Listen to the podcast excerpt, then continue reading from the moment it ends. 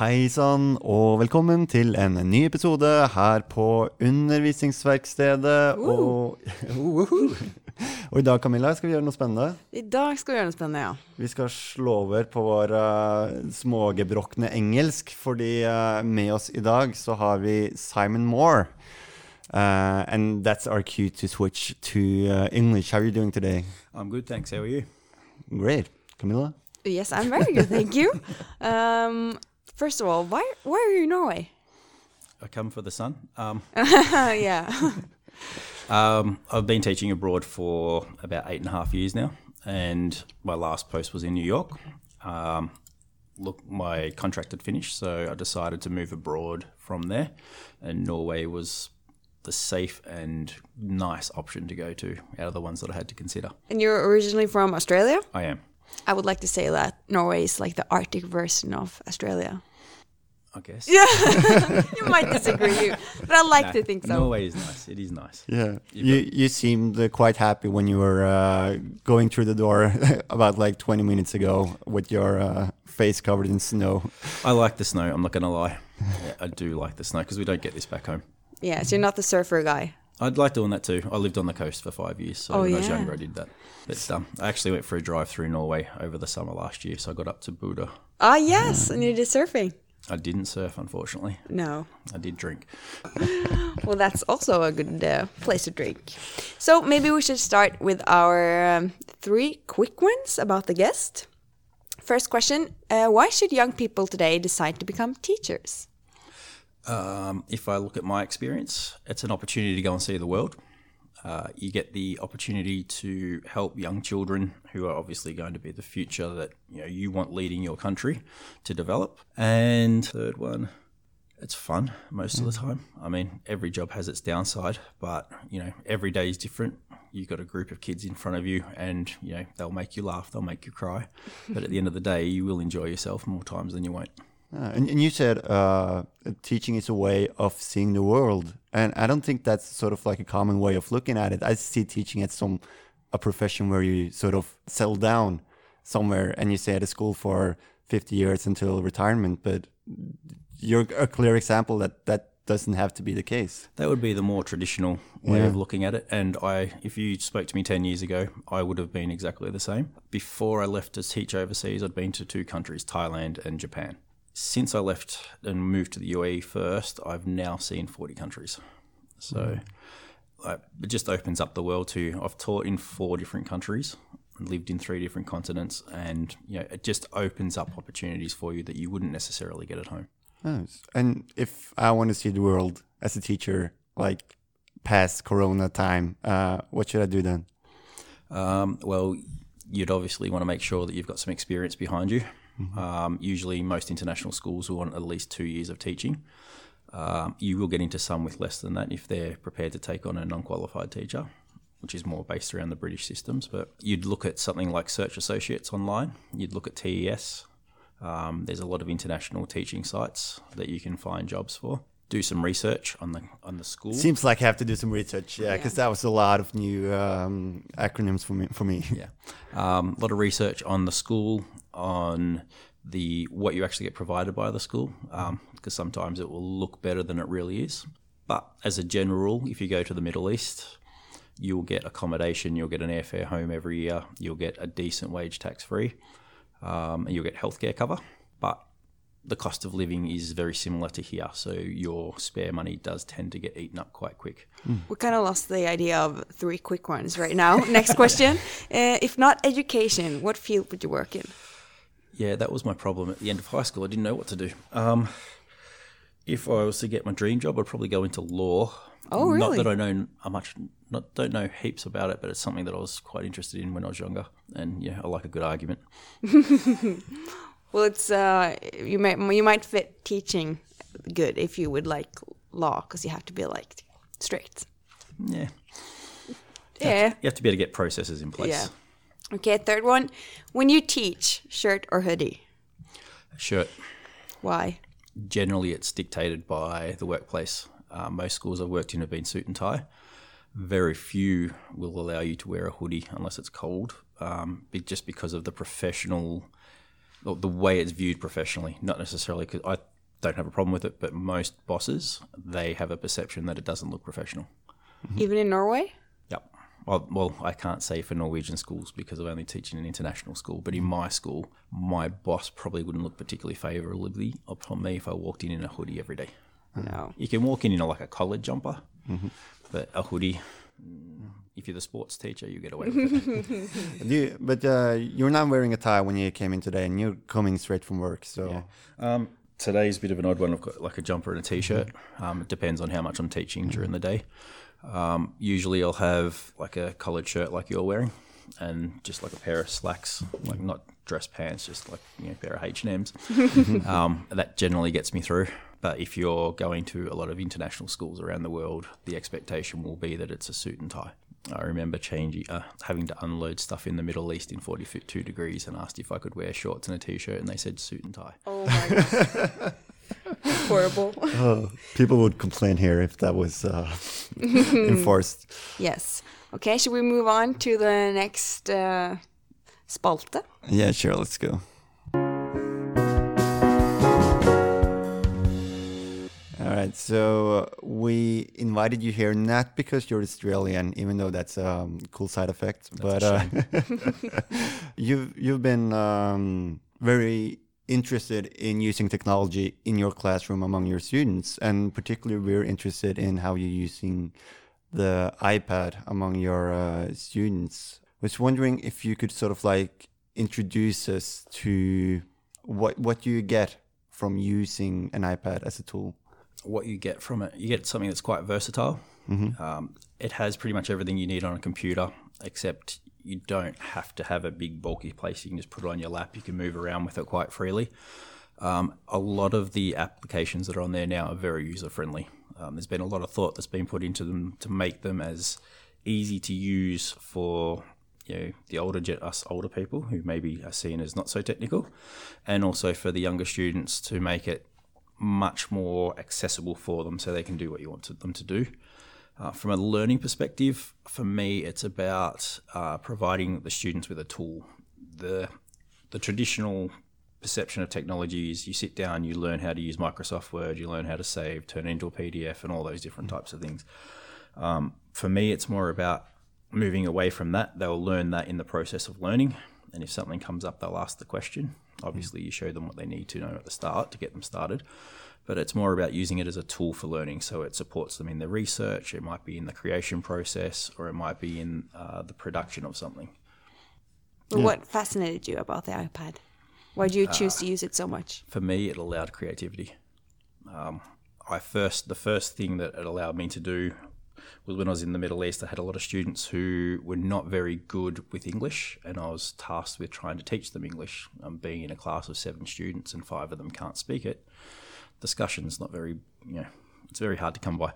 So we had a an English lesson format that we had gotten from the UK that we wanted them to use. So I actually was able to use my iPad to create an interactive book using um, some Apple products that they could then use. And I recorded my students um, making all the sounds for the letters and then cre- putting those sounds together to create words and create word banks and things like that.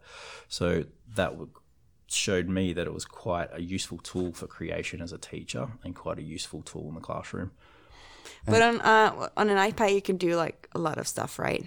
Yeah. What is your favorite app? What do you mo- use most? Favorite app. Um, if you'd spoken to me five years ago, it would have been Explain Everything because I used to use that a lot.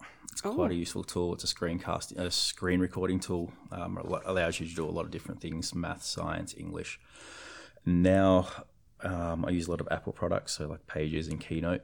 Um, it's quite useful for creating things. So, like if you're creating posters and things like that, you can take um, a slide off the thumbnail from a Keynote, and if you slide up the pictures and put that on the side of your iPad, you can just slide that thumbnail across and create an image out of that.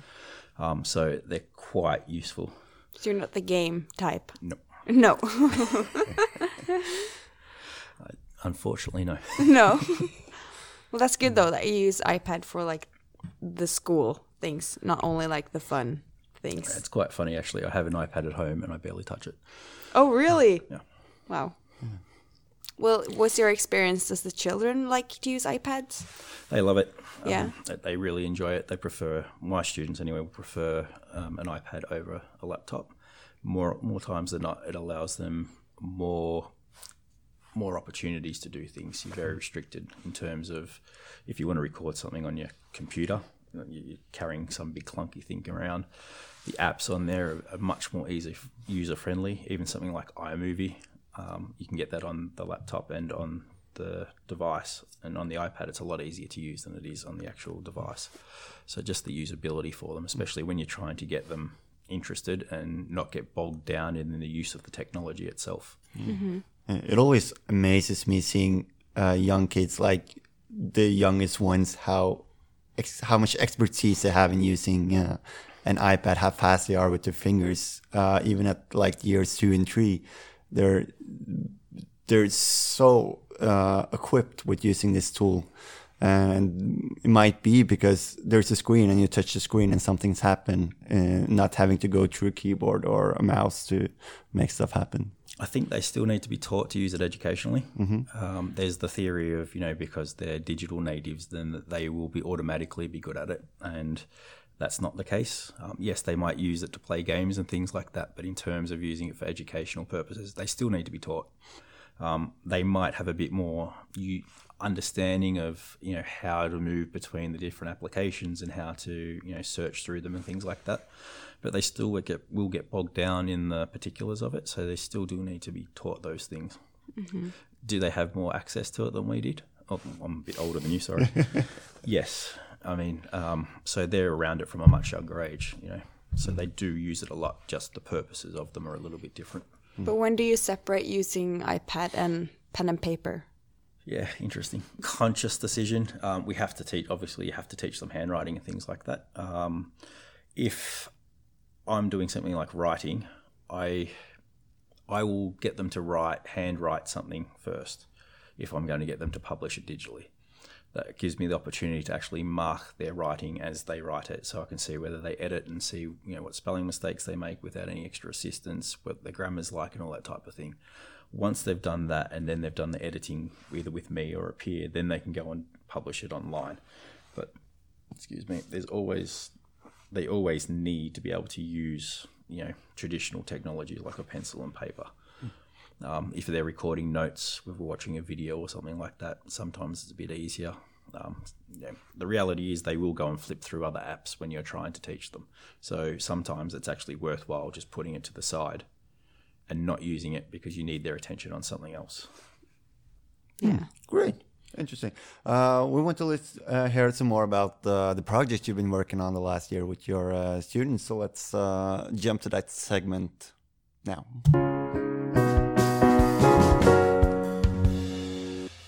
You've been working on a year long project, as I understand it, and it comes to something as difficult as uh, conflict solutions, Yeah, conflict resolution. conflict resolution. Um, yeah. So I work in an IB school where we have six units every year, and they all fall under certain transdisciplinary themes, so like how the world works and things like that.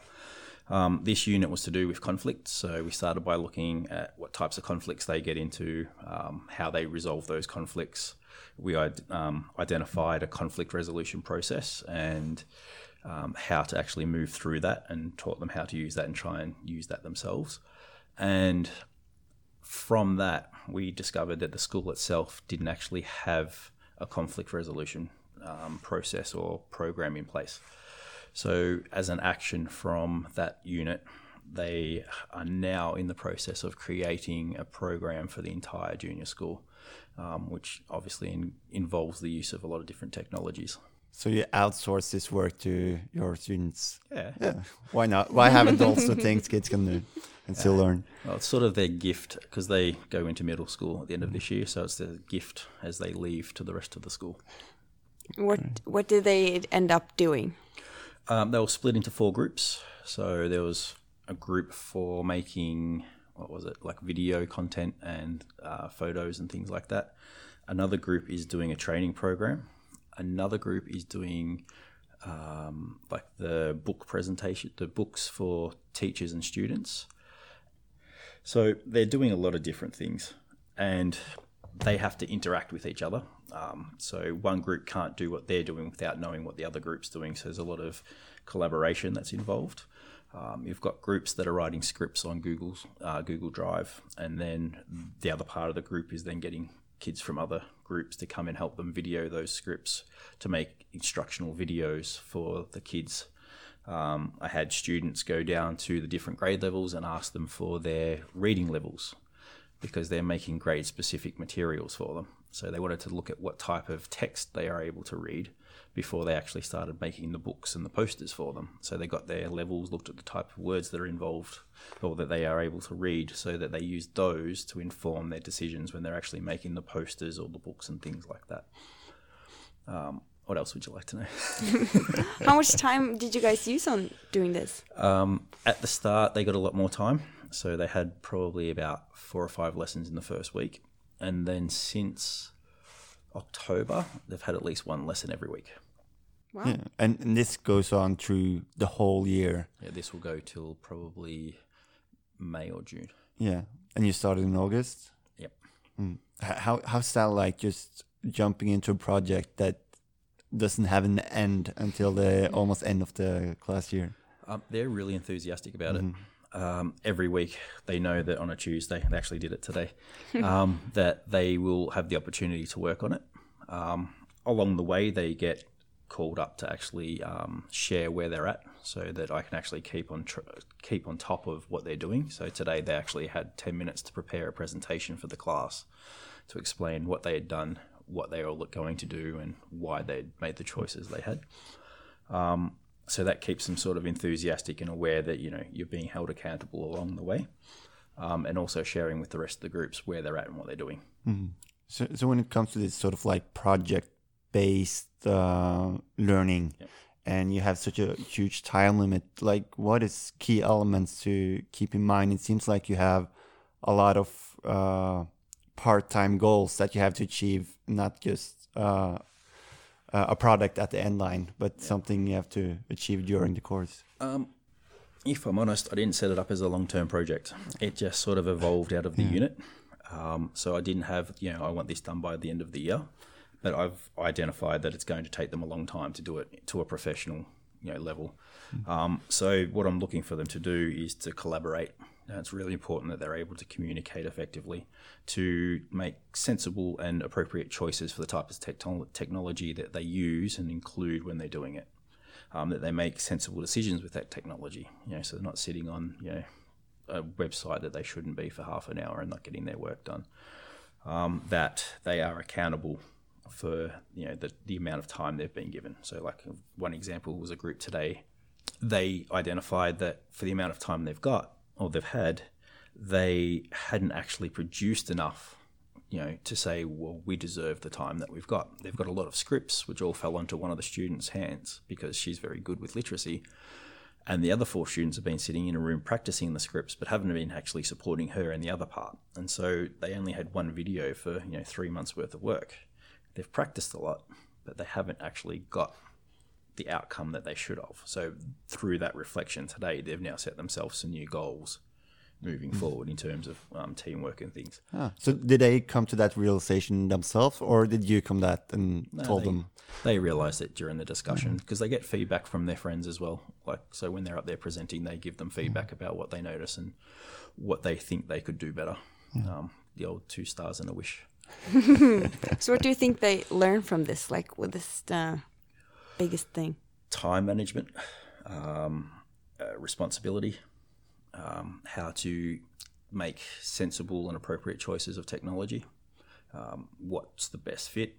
Um, sometimes they might need to learn something new to be able to achieve what it is they want to achieve. One of the groups was making little handouts to give to the other to give to the students. I'm like, well, that's nice and they look good, but it's not really going to be something that you can reproduce because you know, you're moving into middle school. What happens if they rip and they tear? Um, the teachers are going to want to be able to do them because they get new grades every year. So you know they thought about using Pages and then they thought about using Book Creator. I was like, well, have you heard of Canva? No. No, me neither. So um, I've got a Canva account, so I just opened up my account on my computer and said, well, you can put in the headings up here, you can go through the menu, you can choose images, you can change the color, do what you want. So I've got two students that sit on my computer and you know change all the fonts and do all of that. So they're creating their own posters now on that. But they wouldn't have learnt that if they hadn't asked the questions and they hadn't been trying to do something they hadn't previously done. Mm-hmm. We have things like research skills and communication skills and all of those. So those things are really paramount to this. So it's more about developing them as a learner and mm. being a reflective learner. Um, for grade fives, which are the ones I'm teaching, they do a massive project at the end of this year where they actually become the teacher. So it's um, actually going to feed into that for them. They do what's called the exhibition. So they will plan their own unit of inquiry about oh. a subject that they're really interested in. They then have to attach concepts that they're going to explore through that unit of inquiry, come up with learner question, come up with questions to explore, then learning activities. Then as a group, they need to run their own group through those learning activities. At the end of it, they have to produce something to demonstrate their development of understanding, which obviously has a lot of um, technology going through it. Um, I've had kids create um, robots, um, training programs, all different types of things. It amazes me what uh, young people are able yeah, to accomplish. Definitely. Yeah. If you give them the chance, they can do a lot. So but it's moving away from the more rigid, here's the knowledge, learn the mm-hmm. knowledge, reciprocate the knowledge. It's more, okay, well, here's an opportunity. What you learn mm-hmm. from it will be dependent on how you apply your skills as a, as a learner.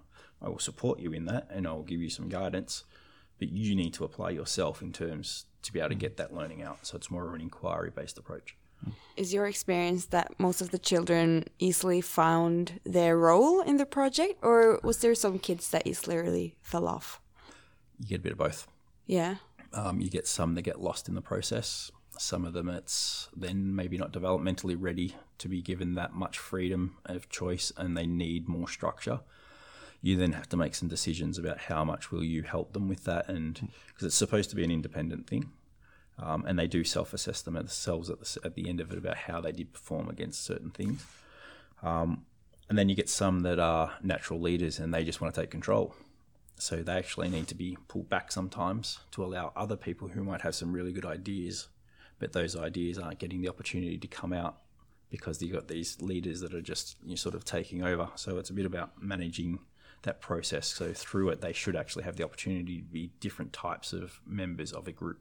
Yeah, they must learn a lot about like group dynamics. Yeah.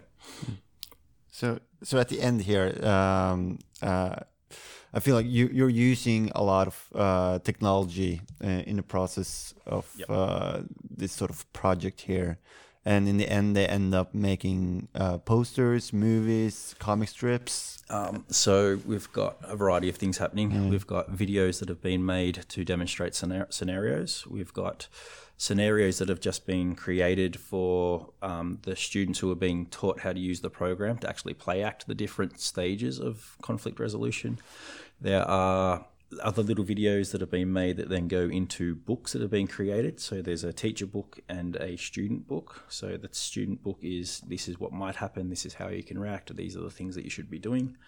Uh, the teacher book is sort of a well, this is how you will scaffold it for the student, and this is the types of things you'll need to remind them to do at this stage of the of the process.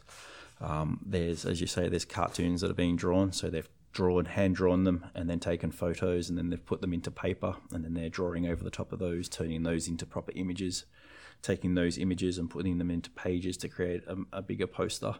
That way, they've got reproducible materials for the teachers. Obviously, as the grade levels move through, you have a new grade coming through, so you need to produce new materials.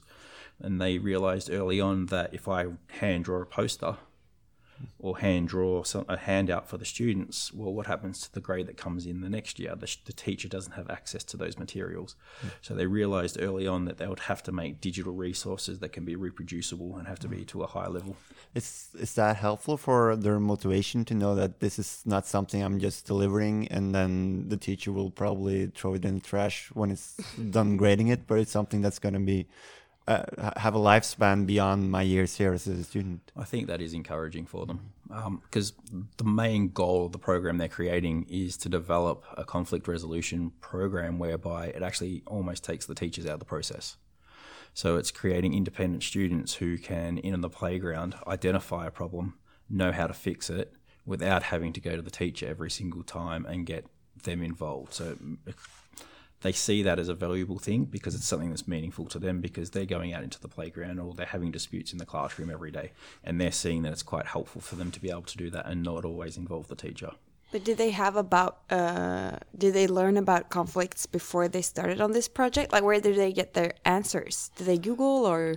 Um, yeah, so we started with what types of places they have conflict, and then how they solve conflict. So you get answers that range from you know hitting someone to you know walking away or saying I don't like that.